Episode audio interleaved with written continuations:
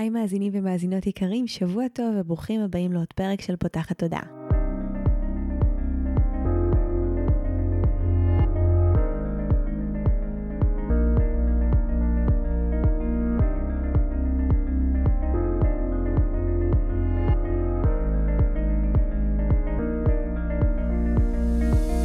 זו הפעם הראשונה שלכם כאן, פותחת הודעה היא תוכנית שנועדה להעביר רעיונות, לאתגר תפיסות קיימות ולפתוח את צורת החשיבה האוטומטית שנהוגה אצל כולנו לכל מיני כיוונים חדשים במטרה להכניס לחיים שלנו יותר כלילות, שלווה, זרימה, אהבה, קרבה וחופש, גם במערכת היחסים שלנו מול עצמנו וגם במערכות יחסים נוספות. אני ניצן אלפסי, אני המנחה של הפודקאסט הזה ואני מאמנת תודעתית ומלווה תהליכי עצמה אישית בעזרת כלים מעולמות התמודע, האנרגיה והרוח. ובפודקאסט הזה אני גם מראיינת וגם מדברת בעצמי על כל מיני נושאים שמעניינים אותי, מסקרנים אותי, ואני חושבת שהם בעלי ערך וצריכים להגיע גם לאוזניים שלכם. בפרק שלנו היום אירחתי את מיכל ביאל, שהיא אילרית ויועצת אישית ומורה למודעות עצמית שמשלבת קריסטלים, מתעסקת בקריסטלים כבר קרוב ל-30 שנה ובעלת האתר CMW שמכיל אינדקס קריסטלים מקיף עם המון המון מידע וככה גם אני אה, הכרתי אותה אה, בתור אה, מומחית לקריסטלים.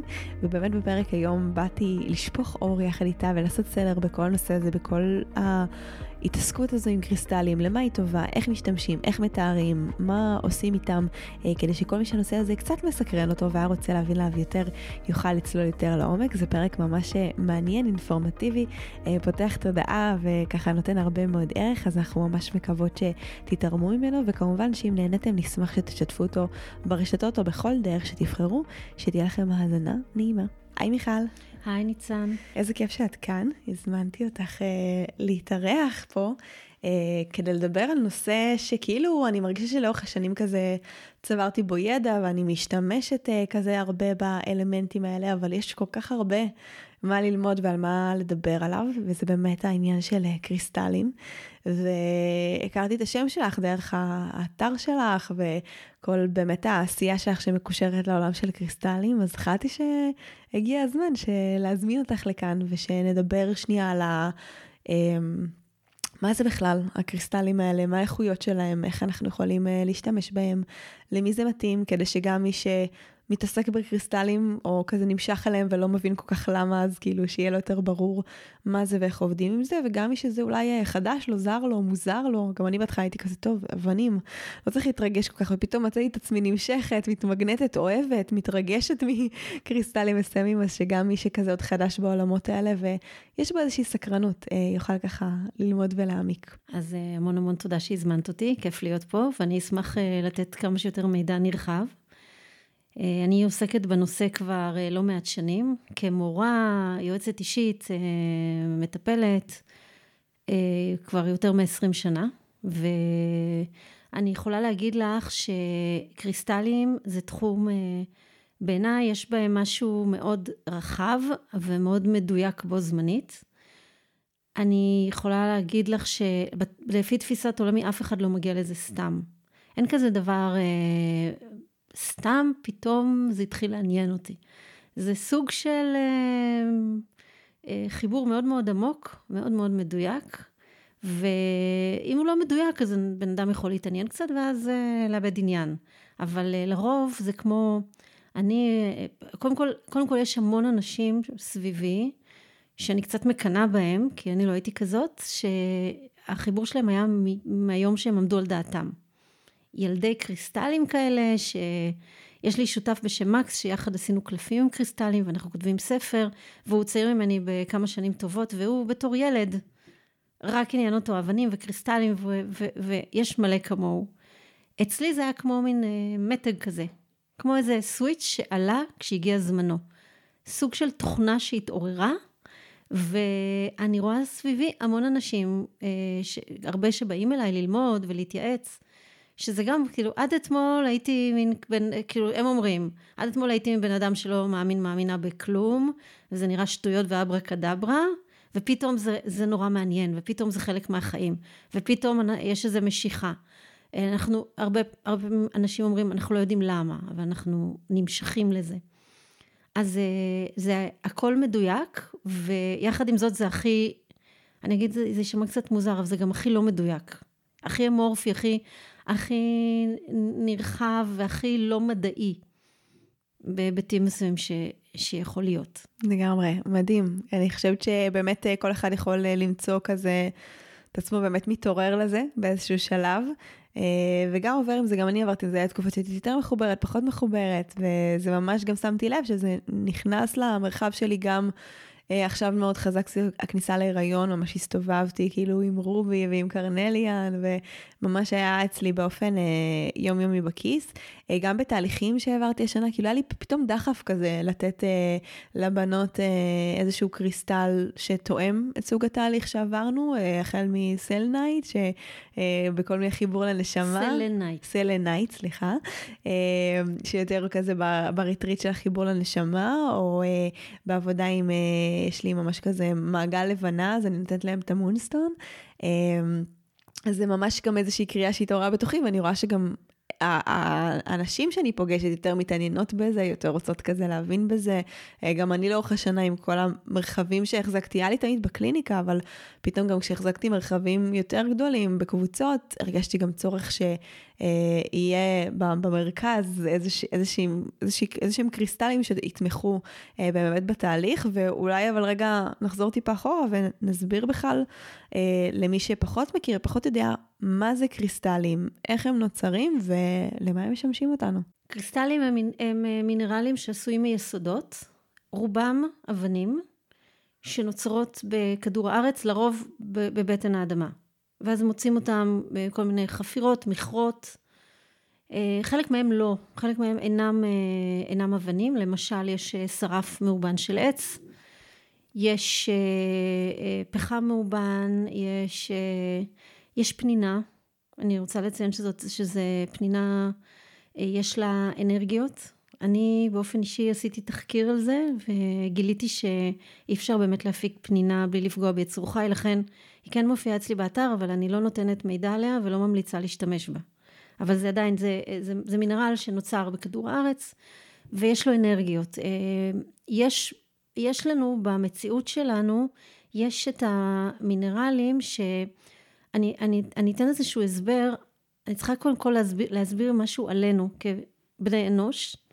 יש גם בעלי חיים, אבל נתמקד כרגע בבני אנוש שנחשבים אה, ליצור יחסית מפותח.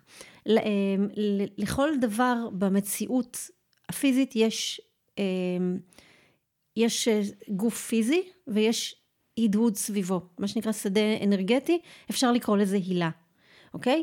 אנחנו כבני אדם שאוהבים לחשוב על עצמנו כיצור הכי מפותח בפלנטה, נתון קצת לוויכוח, אבל נגיד שכן, יש לנו יחסית הילה גדולה. ההדהוד שלנו גדול. עכשיו ההדהוד הזה הוא לא משהו שהוא נתון לוויכוח, אותו אפשר למדוד עם מכשור. ועכשיו לכל דבר יש גם מממלכת החי, מממלכת הצומח ומממלכת הדומם. אז לצמחים יש הדהוד קצת יותר קטן יחסית לגודל של המבנה הפיזי שלהם, ולדוממים עוד יותר קטן. נגיד שיש לנו כאן אה, בקבוק זכוכית או תנור או שולחן, יש להם הדהוד, אבל הוא קטן כי הם דוממים. והסלעים או החלקיקי אבנים, חצץ שאנחנו נצא ונמצא בשדה הפתוח, כנ"ל יש להם הדהוד אבל הוא יחסית קטן. אבל פתאום האדם, לא פתאום, משחר ההיסטוריה, יותר נכון לומר, האדם גילה שיש אבנים מסוימות, ששם ההדהוד הוא מאוד גדול. אפילו יותר גדול יחסית לגוף הפיזי של האבן מההדהוד של המערכת האנושית. וואו. ואנשים ידעו לזהות את זה. עכשיו לא היו, היום אני יכול, אפשר לקחת קריסטל ולצלם את העילה שלו, אפשר לקחת בן אדם ולצלם את העילה שלו.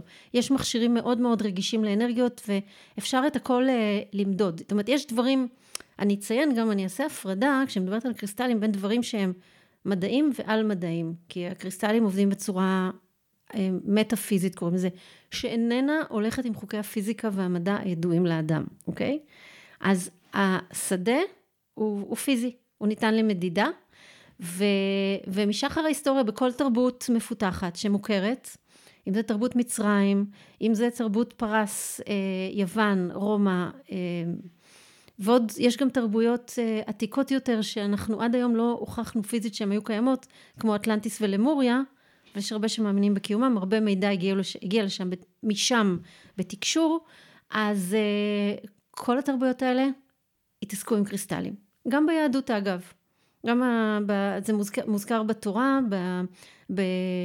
בספר שמות ואחר כך ספר במדבר, יש סיפור שלם על אבני החושן.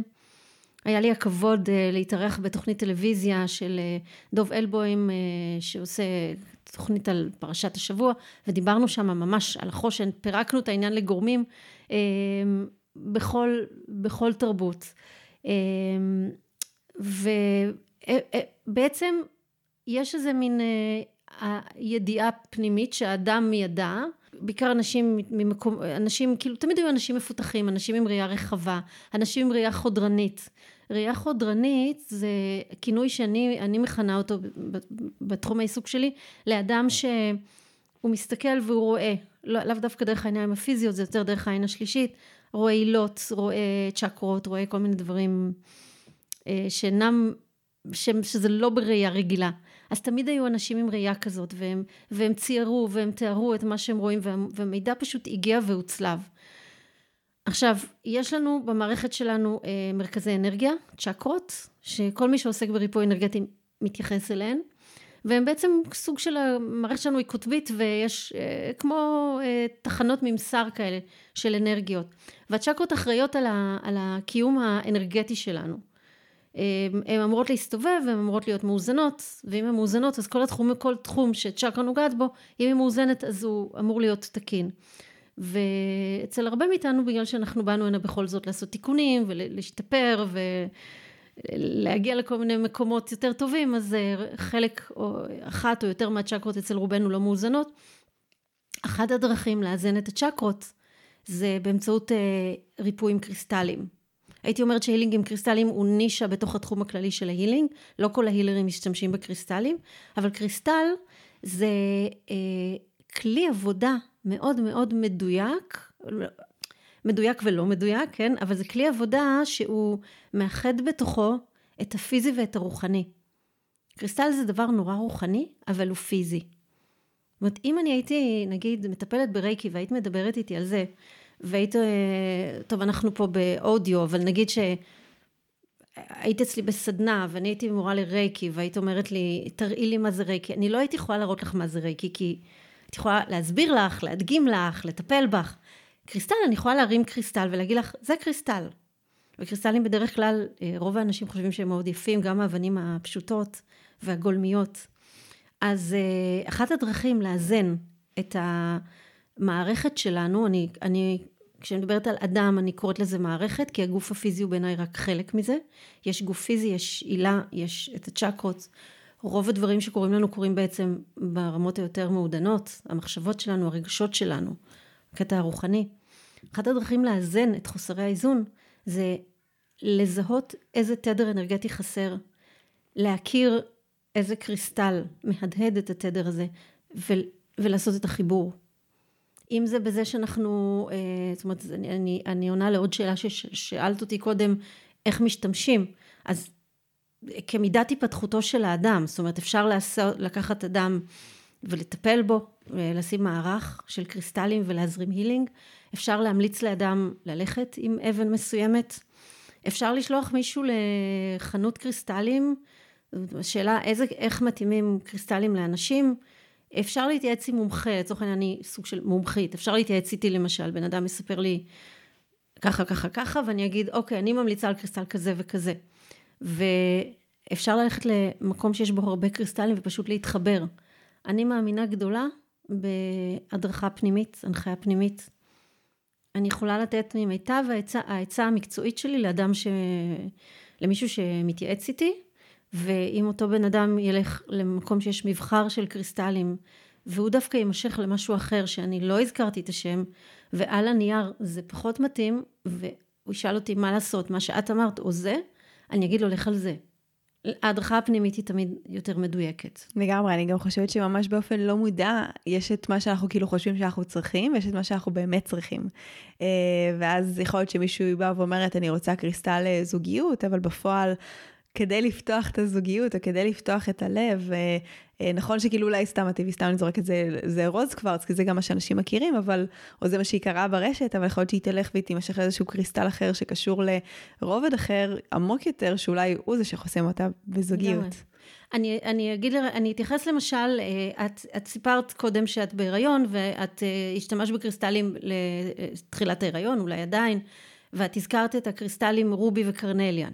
אז אני אגיד לך שעל הנייר, אה, רובי נחשבת לאבן שהרבה נשים אה, מחזיקות אותה בזמן הריון. אני אמביוולנטית לגביה. אני אומרת, רובי היא אבן אה, חזקה, מתגברת. הריון זה סוג של תגבור, הכל מתוגבר. לא תמיד זה מתאים. זאת אומרת, זה עניין של ניסוי וטעייה. אני מאמינה שנשים הרות מאוד רגישות לעצמם, והן יודעות מה טוב להן. קרנליאן זה גם אבן מתגברת. זאת אומרת, בדרך כלל רובי וקרנליאן הן נחשבות לאבנים שאנחנו ניתן דווקא לנשים שהן לא בהיריון ורוצות להיכנס להיריון. כן, זה מה, ש, זה מה שנסעתי לפני זה. האמת שהיום אני בעיקר עם המונסטון, כזה אני מרגישה שהיא תומכת. אם היית שואלת אותי, הייתי אומרת לך, לכי על מונסטון. זה אבן למחזוריות הנשית, היא טובה לכל אורך ההיריון. יש אבן שנקראת יוניקייט. אה, יש עוד כמה אבנים שהם, אה, יש אבן שנקראת אה, קריסוקולה, שהן מאוד מאוד עדינות, רגועות, זורמות. אבל שוב, עם אישה בהיריון לא מתווכחים, אה, אה, אנחנו מאוד רגישות לעצמנו, ו... ואני מאמינה שאישה בהיריון שתחזיק אבן והיא לא תהיה טובה לה, היא, לפני שמישהו בכלל יצטרך להגיד לה, היא תניח אותה בצד. מעניין. וכן, אז זה... אז יש, יש על הנייר ויש במציאות, ואני הרבה משתמשת בזה כשאני מלמדת בסדנאות. אני אומרת לאנשים, הנה למשל, אני, אני אוהבת לספר את הסיפור על תלמידה, ש... כשאני מלמדת, בסדנה שאני מלמדת, אה, יש 20 קריסטלים, שאני מלמדת אותם מאוד נפוצים, מאוד מוכרים, אני מלמדת אותם מאוד לעומק. וחלק מהם עובדים על כאבים. יש קריסטל שטוב לכאב ראש, ויש קריסטל שטוב לכאבים שונים בגוף, לכאבי לב, וכל מיני סוגים. ולימדתי את כל הסוגים האלה, והיה קריסטל מסוים שהוא דווקא טוב לכאבי מפרקים. התלמידה קנתה לעצמה אה, אבן שנקראת קלצית, עשויה מקלציום בין היתר. היא קנתה לעצמה קלצית, והיא אמרה לי, זה קריסטל שטוב לי להכל. הוא טוב לי לכאבים במפרקים, אבל הוא טוב לי גם לכאבי מחזור, הוא טוב לי לכאבי ראש, הוא טוב לי לכל דבר. ולא היה מה להתווכח עם זה, כאילו, האבנים האחרות שספציפית היו יותר מיועדות על הנייר לכאבים האחרים, בשבילה זה פחות עבד. בשבילה עבדה הקלצית.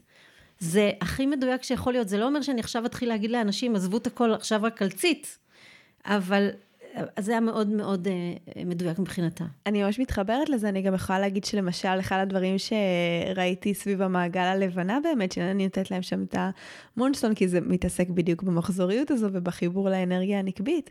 והיו בנות שאמרו לי, האבן הזו מעצבנת אותי, לא בא לי ללכת איתה, או אני שמה אותה על הגוף ולא נעים לי, ואמרתי להם, תהיו בהקשבה, כאילו, תהיו ב, במקום שרגע שם לב, אה, זה גם, אנחנו ממש נרגיש את זה, יש תקופות שאנחנו נימשך לאבנים מסוימות, יש תקופות שפתאום נרגיש שלא. זה הרבה לעבוד עם, ה, עם האינטואיציה ועם ה, עם ההקשבה הפנימית שלנו. אני רוצה טיפה להחזיר אותנו אחורה, כי דיברת על המקום הזה של אפשר לעשות מערך של קריסטלים ולשלוח דרכו אילינג, או להסתובב עם זה עלינו, יש איזושהי המלצה לאיפה... כדאי לשים את האבן, האם זה צריך להיות על הגוף, האם זה צריך להיות בתיק, האם זה צריך להיות אה, אה, קרוב לצ'קרה שאולי האבן קשורה אליה, יש איזושהי המלצה לגבי זה? האמת שכן, תראי, זה, זה לא משהו שאפשר אה, עכשיו להסביר, כי זה, אה, זה משהו רחב. זה בשביל, בשביל לענות על השאלה הזאת לעומק, זה באמת לעשות קורס. אה, אבל בעיקרון קריסטלים, אם, את, אה, אם אדם רוצה את הקריסטל בשביל עצמו, אם את רוצה את זה בשביל עצמך, אז uh, את צריכה להחזיק את זה קרוב למערכת הפיזית. זאת אומרת, אם יש קריסטל שטוב לאיזה סוגיה שאת צריכה כרגע, ותקני לעצמך איזה חלוק ותשימי אותו ליד המיטה, ותסתובבי כל יום ותצפי שהקריסטל יעשה את העבודה, אז לא בטוח שזה יקרה. אז צריך לקרב אותו. Uh, הגודל בקריסטלים uh, קובע, uh, זה חשוב. קריסטל יותר גדול יהיה חזק יותר, אבל שוב, אני אומרת גם יש מה שנקרא משקל סגולי אנרגטי. נגיד שסתם, מונסטון, יש, אה, הבאנו, הבאנו שני גושים משני מכרות שונים, מאחד גזרנו אבן קטנטונת ומהשני גדולה יותר בגודל של אגרוף. ו... אבל ה... הסלעים האלה הם לא שווים בעוצמות שלהם. וואלה, למה? כי ככה יצר אותם הבורא, כי זה משנה, מכרה אחד מברזיל, מכרה אחד מדרום אפריקה, לא יודעת, אה, זו עובדה. אחד הוא באיכות יותר טובה, יותר גבוהה, אז יכול להיות שה... אבן שהאיכות שלה היא יותר גבוהה, מספיק יהיה אבן קטנה והיא תהיה יותר חזקה מגוש ממש גדול מהשני. אבל אם תיקחי גוש אחד וממנו תחצבי שתי אבנים, אחת גדולה ואחת קטנה, הגדולה ללא ספק תהיה חזקה יותר. כמו כן, אבנים גולמיות שלא החליקו או ליטשו או נגעו בצורה המקורית שלהם, הן נוטות להיות יותר חזקות. ויוצאות מן הכלל אבנים אה, ברמת שקיפות מאוד גבוהה ואיכות מאוד גבוהה, שמלטשים אותם לרוב אבנים ברמה של תכשיט. אה, שוב, לרוב, לא תמיד, אבל בדרך כלל יש להם הרבה מאוד עוצמה. הן מעבירות דרכן הרבה מאוד אור. אה, זה לא הולך ביחס ישיר לכמות הכסף שמשלמים עליהם. לפעמים תהיה אבן זולה והיא תהיה ממש חזקה, ואבן סופר יקרה, אני קוראת להן יפות וטיפשות, כאילו, hmm. אין שם הרבה אנרגיה. מה משפיע באמת על העניין של המחירים? אה, הנדירות של זה, המכרה של זה? אוקיי, okay, אז יש אה, המון דברים שמשפיעים. אני עשיתי קורס קצר בנושא שנקרא גמולוגיה. גמולוגיה זה תורת אבני החן. זה לא hmm. מתעסק בשום צורה שהיא באילינג או התפתחות עצמית, אלא ממה האבנים עשויות, כמה הן קשות, אה, כל מיני דברים מאוד מאוד טכניים. זה היה מאוד חשוב, זה גם מאוד העשיר את הידע שאני חולקת אחר כך ומלמדת. והבנו שזה נורא נורא משתנה. לאו דווקא הנדירות, זה תלוי מאיזה מדינה זה מגיע וכמה מכס משלמים על זה. אה, נדירות משפיעה אבל לא תמיד, למשל, אני סתם אתן דוגמה, יש אבן בשם יהלום שהיא מאוד ידועה והיא מאוד אה, יקרה, אבל היא לא נדירה. יהלום זה לא אבן נדירה. לעומת זה יש אבן שנקראת bixbite, שעולה כמעט אותו דבר, אף אחד לא מכיר אותה. היא מאוד מאוד יקרה, אין לה ביקוש. אז אה, זה לא תמיד, זה, זה לא תמיד אה, אומר, וזה נורא תלוי. אני למשל מסתובבת בכל החנויות הגדולות אה, בשביל לקנות כמה שיותר אבנים, ואני רואה שיש כל מיני משלוחים. אז יש פתאום אבן מסוימת בחנות אחת היא יקרה, בחנות שנייה לא, וזה נורא נורא נורא משתנה. אז לכן... אני גם לא, כששואלים אותי, החנות הזאת יקרה והחנות הזאת יקרה, כי אני איזה בר סמכה, אני לא, אני אומרת לא, כאילו, תסתובבו ותראו, ומה שמתאים לכם במחיר תקנו, וזה משתנה מהיום להיום. יש אבן שנקראת אגת החרה כחולה, אולי את מכירה, בלולי סגת. Mm, בשם הזה כן. היא מאוד ידועה, והיא מאוד אהובה, היא תכולה כזאת, היא נראית כמו שמיים ביום יפה עם עננים. נכון, יפה. ואבן של ביטוי, של הצ'קרה השלישית, של אה, רוגע, והיא היא, היא סוג של אבן פשוטה מהפחות יקרות, ויום אחד המכרה העיקרי, או המכרות העיקריים, אני לא יודעת אפילו איפה בעולם, התרוקנו. ופתאום האבן היה מחסור גדול, וכשכבר הגיע זה עלה, המחיר שלה קפץ פי עשר בערך. וואו. עכשיו זה עדיין לא, זה, אנחנו מדברים על אבנים להתפתחות אישית, זה נגיד זה, אז חלוק עולה, במקום לעלות חמישה שקלים, הוא עולה שלושים או ארבעים שקלים. אה, זה, זה פחות או יותר טווח המחירים, אבל אה, פתאום אה, זה נדיר, ופתאום זה יקר. אגב, גם רובי, אה, כשקונים רובי בשביל אה, לעבוד איתה אנרגטית, זה אבנים שאני מתעסקת איתם בדרך כלל, אנחנו לא מדברים על משהו שעולה 100 אלף שקל או חצי מיליון, אנחנו מדברים על, אוקיי, יותר יקרה מאבנים אחרות, אבל היא תעלה עשרות שקלים, לפעמים 100-200 שקלים. אה, אז אנחנו נעדיף לקחת מראש, כל האבנים קיימות גם בגולמי בחנויות, או שיש כאלה שהם רק בחלוקים? כאילו, איך זה עובד? יש אבנים שהן רק בחלוקים, שהן פשוט לא אבנים ש... תראי, תראי, עבודה עם... חשוב להגיד שעבודה עם קריסטלים להתפתחות אישית ומודעות עצמית והתעלות רוחנית, זה משהו אה, עתיק יומין, שהיה מאוד מקובל בתקופות עברו, ואז היה לו איזה פאוזה כזאת, ועכשיו זה עושה קאמבק. זה עושה קאמבק לדעתי החל מתחילת שנות ה... אולי זה התחיל בשנות ה-60, תקופת ההיפים, זה היה הניצ... הניצוץ הראשון, והחל בשנות ה-80 זה הרבה יותר התגבר, והיום זה הולך וחוזר יותר ויותר. אבל תכשיטים, קמעות, אה, לקשט, אה, לא יודעת, כתרים ו... ורהיטים וקירות לפעמים, וארמונות, אז זה תמיד היה. אז אה, למעשה כמעט כל, אה, הייתי אומרת כל אבן יקרה שמשובצת בתכשיט היא למעשה סוג של קריסטל. גם יהלום זה אבן שאפשר לעבוד איתה. יש אבנים שהן פשוט פשוטות, אז את לא תמצאי אותן, גם נגיד אבן כמו קלצית, יש משהו שנקרא קשיות, זה שוב אה, תחום הגמולוגיה. קשיות מודדים מ-1 עד 10, זה הנטייה להישרט ולהישבר. אז אה, אבנים שעושים מהם תכשיטים, מנס... אה, לוקחים בדרך כלל אבנים יותר קשות. קלציט יש לה קשיות שלוש מ-1 עד 10, אוקיי? כל הקוורצים, אה, סיטרין, אגת תחרה כחולה וקרנליאן הם שבע, הרובי היא תשע, היהלום הוא עשר. אז אבן שהקשיות שלה שלוש, מראש לא כדאי לעשות ממנה תכשיט. רוב הסיכוי שהיא תישבר ויהיה שברון לב. המ. אז, אז אגב, הרבה תכשיטנים באים ללמוד אצלי, כדי גם, גם קצת לדעת מבחינת השימוש בחומר, וגם לדעת מבחינת השימוש באנרגיה. שמתאימים תכשיט לבן אדם, לדעת יותר, להסתכל על זה קצת מעבר. מעניין. אז כן, כי זה, כי זה חשוב. יש למשל אבן שנקראת סמוקי קוורץ, בטח נתקלת. אני אוהבת אותה. היא נהדרת, היא, היא ממש אבן חברה. והיא, אחד הדברים העיקריים שהיא עושה זה קרקוע, קרקוע מאוד עדין, חיבור לאדמה, חיבור למקום שאנחנו יושבים עליו, נמצאים בו. אמ, זו אבן שהרבה עושים מהתכשיטים, אמ, תליונים, כל מיני שרשראות ועגילים. היא אבן מקרקעת. לפעמים, אם אה, אדם שילך עם אבן מקרקעת על הצוואר, יכול להרגיש תחושת כובד, בלי לדעת למה, כי האבן מושכת לקרקע. אז גם דברים שכדאי, זאת אומרת צריך להתאים לגבי הצ'קרות, צ'קרות, אה, כשאנחנו לומדים ריפוי בקריסטלים, כל ריפוי אנרגטי בעצם, אז לומדים את הצ'קרות, מה התפקיד של כל צ'קרה, ועם קריסטלים ממש כדאי להתאים לצ'קרות.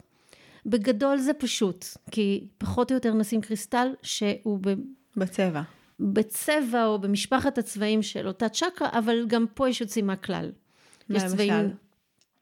למשל רובי, שהיא אבן אדומה, יש לה גוונים סגולים וורודים. נכון, אז היא בדרך כלל של, של צ'קרת הבסיס והצ'קרה שמעליה, צ'קרת המפסע. אבל רובי, בגלל שיש לה גוון ורוד, היא יכולה להתאים ללב, ובגלל שיש לה גוון סגול, היא יכולה להתאים לעין השלישית.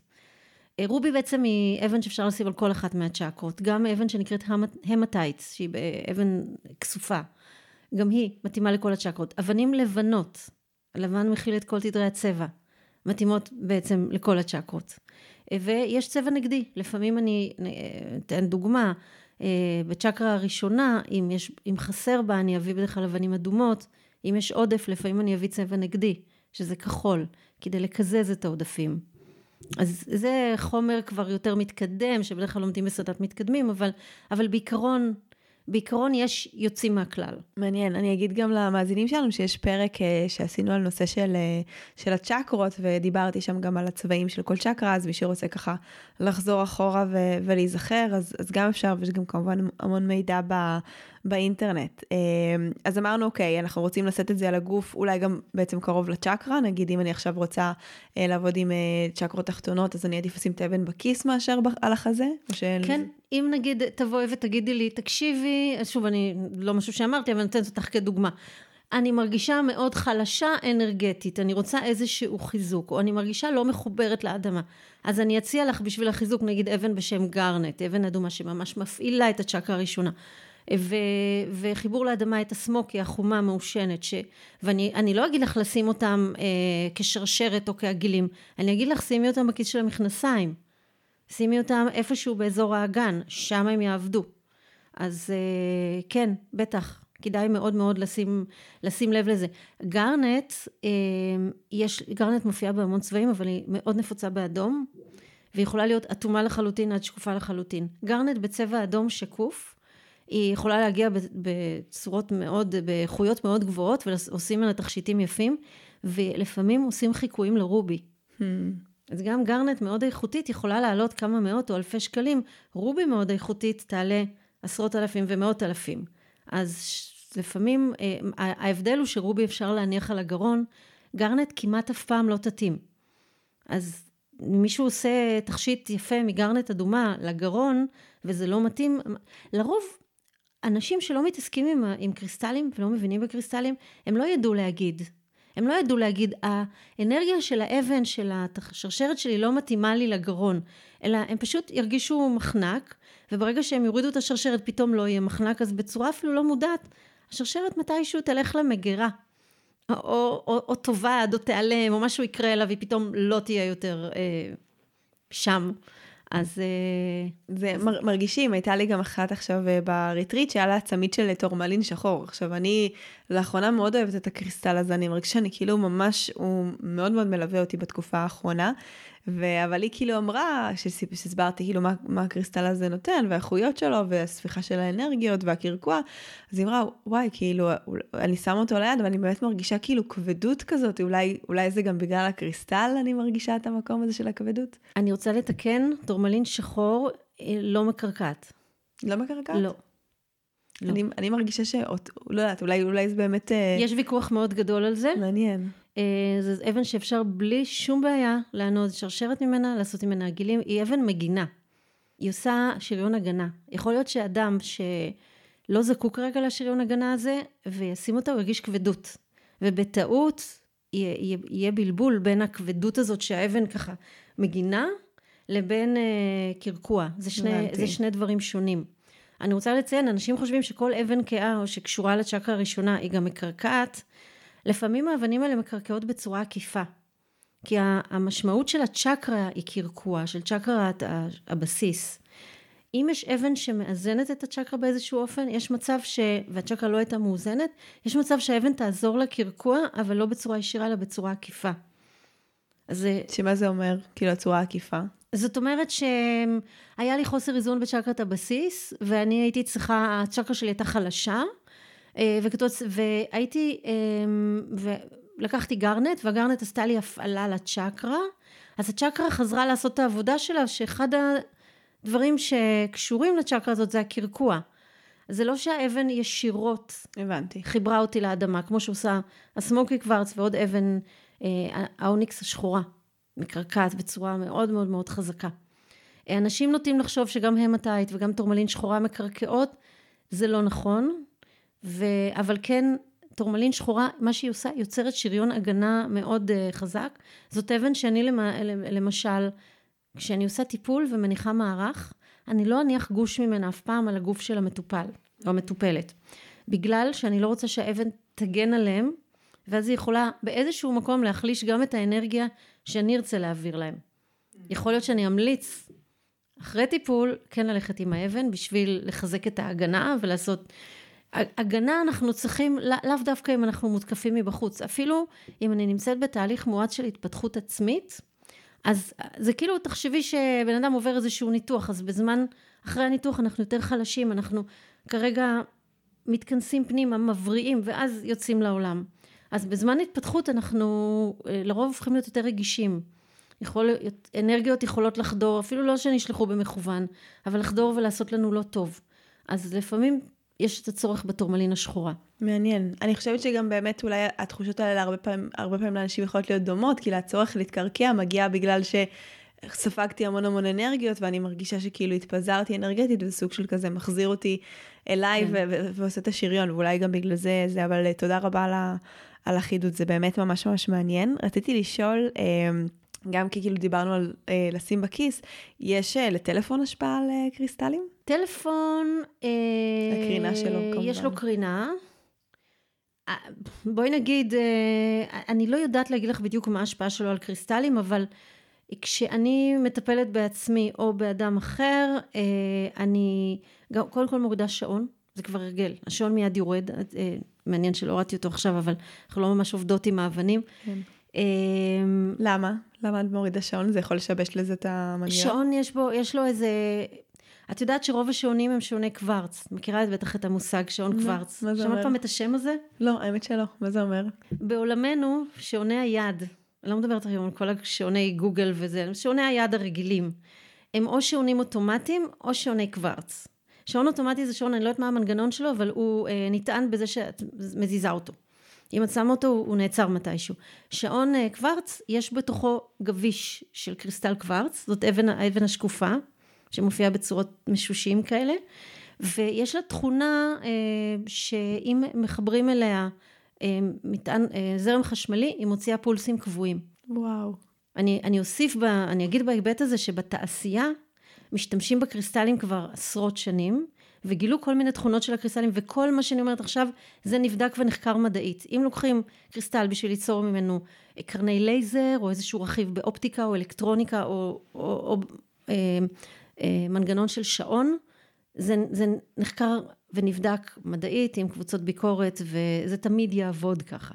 כמובן זה לא כבישים גדולים, זה כבישים, זה כנראה ננו כבישים מיקרוסקופיים שבדרך כלל מגדלים אותם במעבדה, אבל הם כבישי קוורץ לכל דבר. אז אה, אה, אני, אני, אה, אני אעשה פה את ההפרדה בין קריסטלים שמשתמשים בהם בתעשייה לקריסטלים שמשתמשים בהם לריפוי על מערכת אנושית. המערכת האנושית היא המשתנה והבלתי צפויה.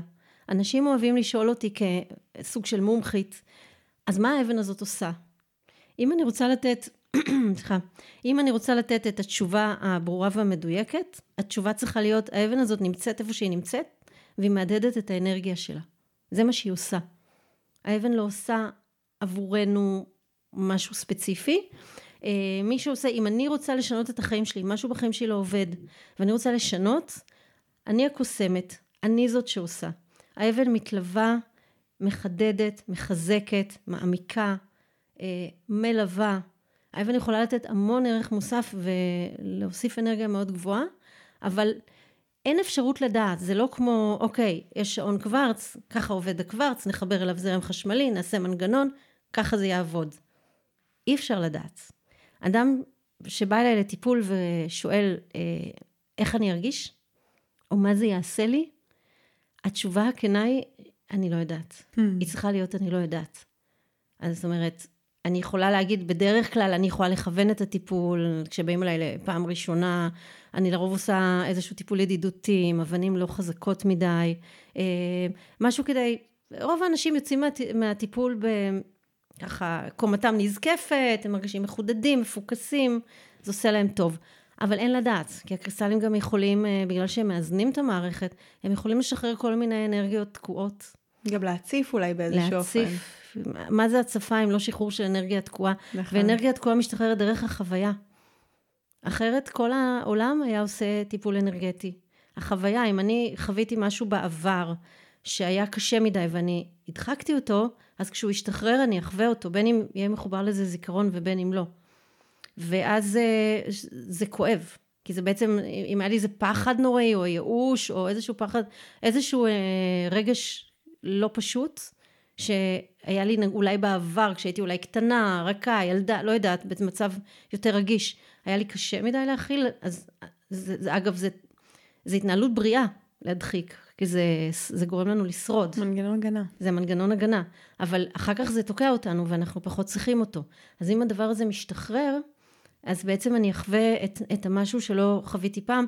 זה קורה המון עם אנשים שבאים לטיפולים, אני, אני הרבה פעמים, מה שנקרא, מזהירה אותם, לא מזהירה, אבל אה, מיידעת שיש מצב שאחרי טיפול אה, יהיה הצפה של איזשהו רגש לא פשוט, זאת אומרת, אין לי בעיה עם הצפה של שמחה, זה לכו תחגגו, אבל אם זה משהו, כאילו, רגש לא קל, רגש מאתגר, שלא קשה, הסימן היכר זה שזה לא קשור לכאן ועכשיו.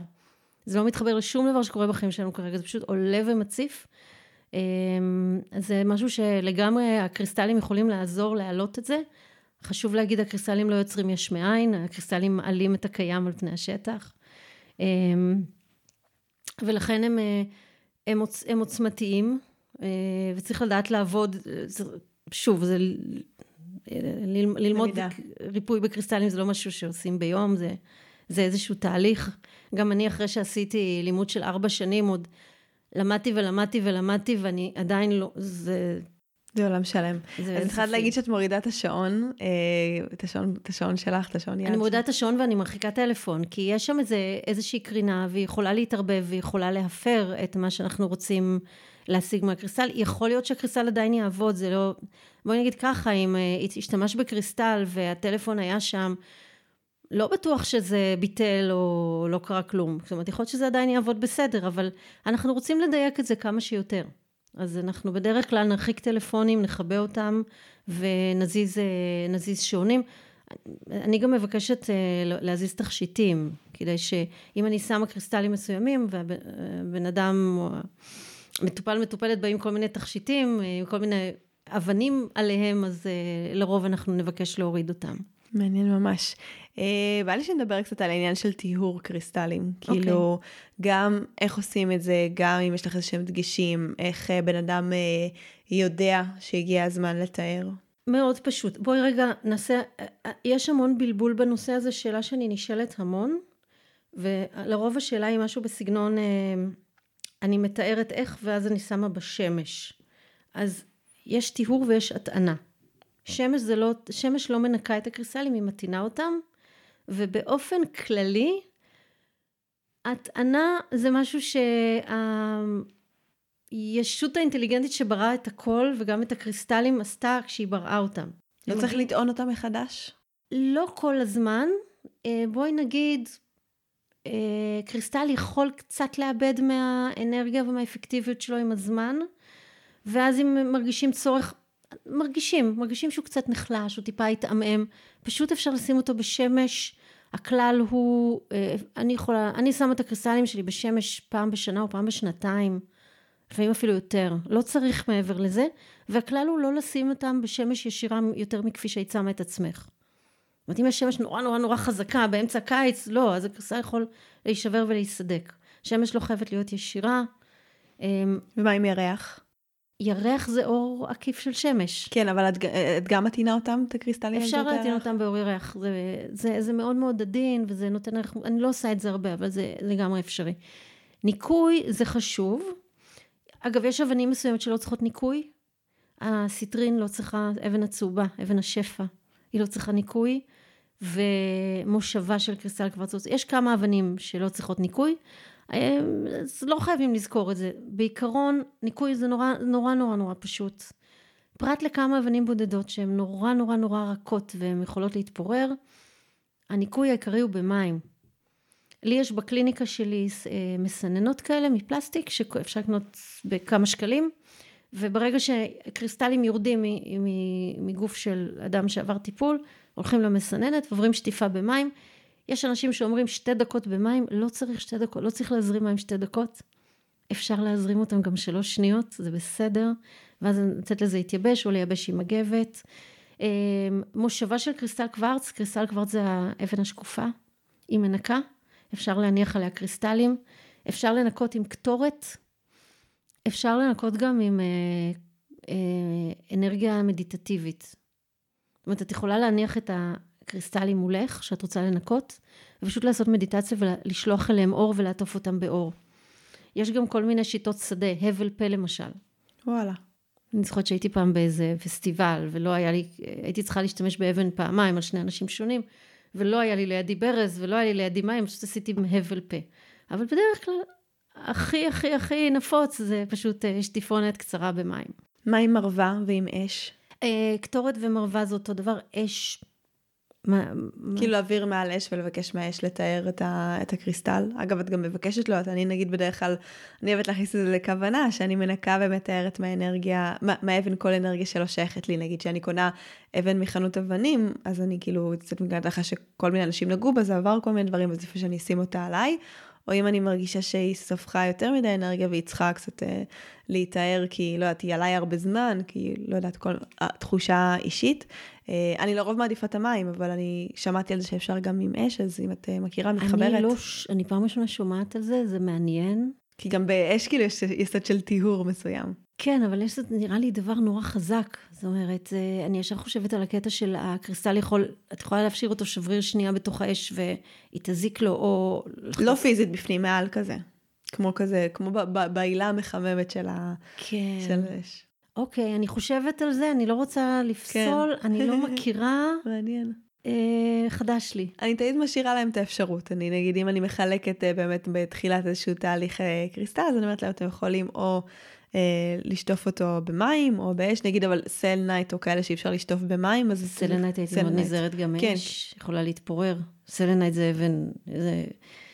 הקשיות שלה זה, זה, זה שתיים. כן, היא ממש שבירה. אז זה נגיד אבנים מהסוג הזה, זה אה, דברים שהיית אה, עושה יותר באמת מה שאמרת עם המושבה של קוורץ, או עם קטורת, או עם אנרגיה מדיטטיבית. קטורת ומרווה בעיניי זה אותו דבר, כן. זה צמחים שאנחנו מדליקים, ואז גם, גם יש חום וגם יש עשן, וזה נראה לי הרבה יותר עדיף. הייתי נזהרת מאש. Okay. אוקיי. אש יכולה... לא יודעת, זה נראה לי משהו, סליחה שאני נשמעת קצת פולניה, זה נראה לי משהו לא בטיחותי, זה יכול להיתפס לך בשרוול, זה יכול לשלוח איזה לשון של אש ולעשות נזק או, או ליד או לאבן. אני לא אומרת שזה לא מתאר, כנראה אם mm-hmm. עובדים זה מדויק זה כן, וחידשת לי. לא נראה לי שזה משהו שאני אכניס אותו לחיים שלי, כן, אבל... כן, מעניין, כל אחד במה שהוא מרגיש. כן, כן, כן. מדהים. אז אמרנו שאז יש לנו את התיאור ויש לנו את ההתנה, יש עוד מה ש... עוד משהו, אה, תכשיטים או מטוטלות, למשל. אני עובדת הרבה עם מטוטלת. אז המטוטלות, הן יכולות להיות עשויות מכל מיני חומרים, אם הן עשויות מקריסטלים, השדה שלהם יכול לספוח אנרגיות, וכן חשוב לנקות, אבל השרשרת מתכת, היא לא מתכת אצילה בדרך כלל. נכון. מטוטלת זה דבר זול, היא עולה 40-50 שקל לרוב. אז, אז אנחנו לא נשטוף במים, כי זה יחליד. אז את זה שמים על מושבה, או תופסים את, רק את הגוף של המטוטלת ושוטפים אותו במים. אה, כנ"ל לגבי כל מיני אה, מחרוזות שמושחלות על חוט בד.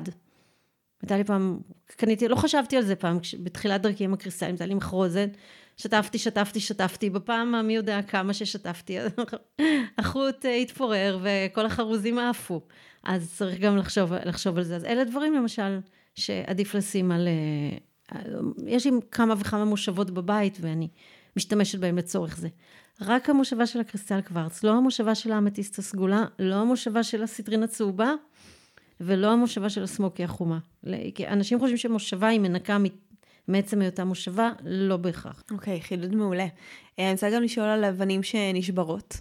אה, או נסדקות. שאלת השאלות. כן, שאלת השאלות, אה, אני כאילו, ב, ממה שאני יודעת, יש כן הבדל אם זה נסדק או ממש כאילו התפצלח לחתיכות, אז uh, תגידי לנו כזה איך יודעים ומה עושים ואיך נכון לעבוד עם זה. אם האבן נשברה והתפוררה לאבקה, אז אין הרבה מה לעשות. אבל מעבר לכך, אם השבר הוא משהו קטן בקצה, או שהיא נשברה לשניים, תקשיבי, זו שאלה שאני נתקלת בה כל כך הרבה. אני כתבתי על זה מאמר באתר שלי, וכש...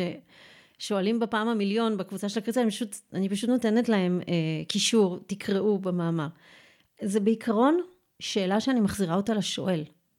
כי התשובה היא לא בחוץ אצל מישהו שמבין בקריסטלים. אה, אני רואה הרבה, יש, תראי, יש המון אמונות נפוצות. נכון. וזה נראה לי משהו שהולך לפעמים כמו איזה אש בשדה קוצים, אפרופו אש. אה, אז, ואני רואה את זה כי בקבוצה של הקריסטלים יש המון אנשים, כל הסוחרים, מלא הילרים, מלא זה, אספנים, חובבנים, כל הסוגים, אנשים שמתעניינים בקריסטלים נמצאים בקבוצה. אני אומרת לך, כמעט 7,000 איש. אז, אה, אז נכנס מישהו ושואל בפעם המיליון, אה, מה עושים, הנה האבן שלי, נשברה לי, מה אני עושה איתה? ושם תמונה. אז ישר יש את אלה שאומרים, היא, היא סיימה את תפקידה לקבור באדמה.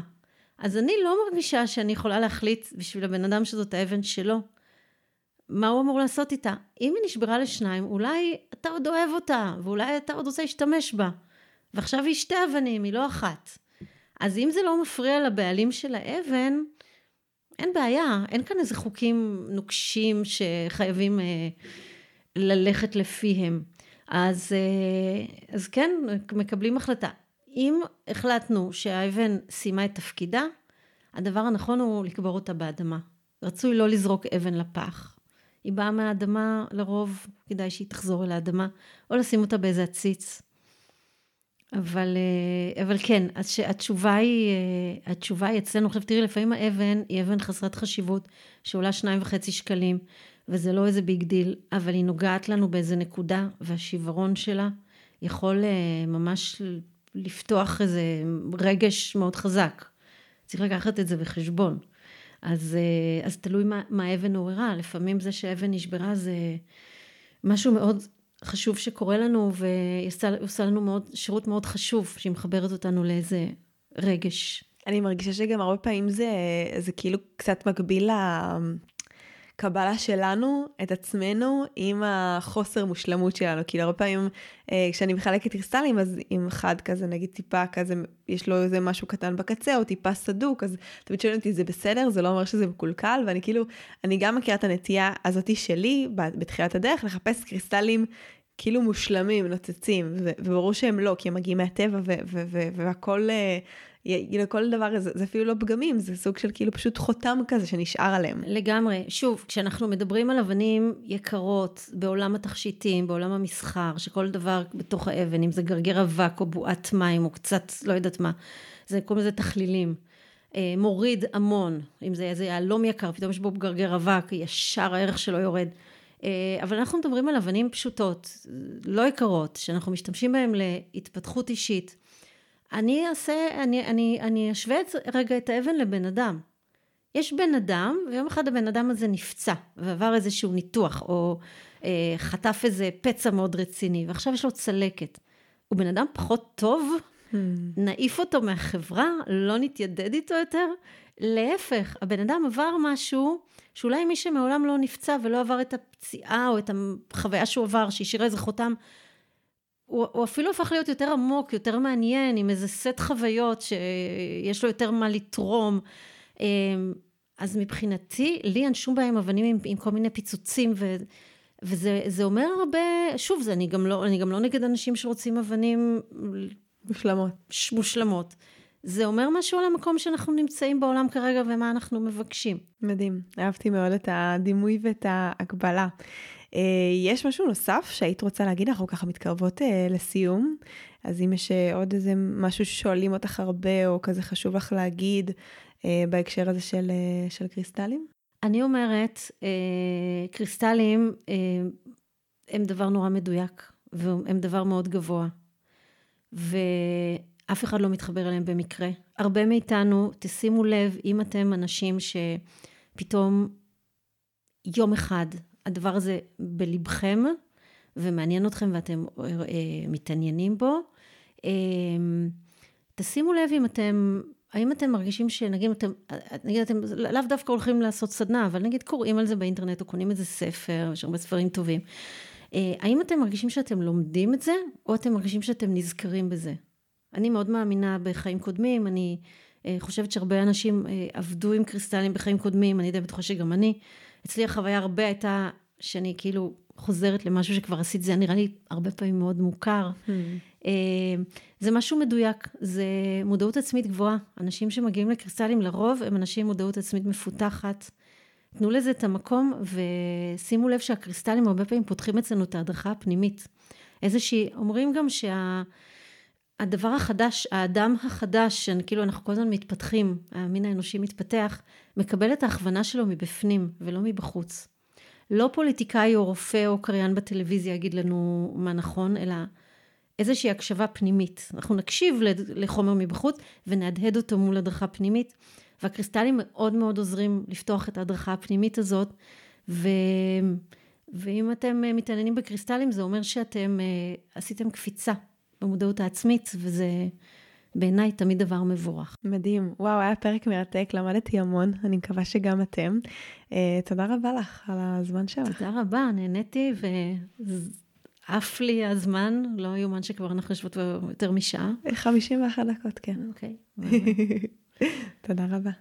אז אם אנחנו רוצים לסכם את הפרק המעולה הזה עם מיכל, הנה כמה דברים שאנחנו יכולים לעשות עם קריסטלים.